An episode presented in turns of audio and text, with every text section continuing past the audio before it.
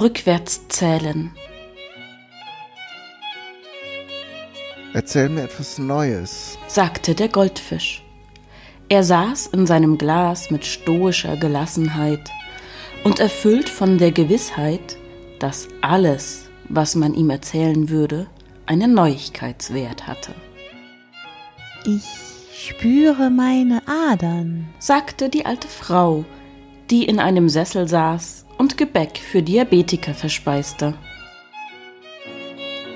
Weißt du, antwortete da der Fisch. ich spüre das große Glas, das mich umgibt. Ich fühle seine Begrenzung, die das Wasser berührt, welches mich umgibt. Und ist das ein schönes Gefühl? fragte da die Frau, die aus Langeweile im Schrank nach Tabletten suchte, Es ist ein Gefühl, erwiderte der Fisch. nicht mehr und nicht weniger.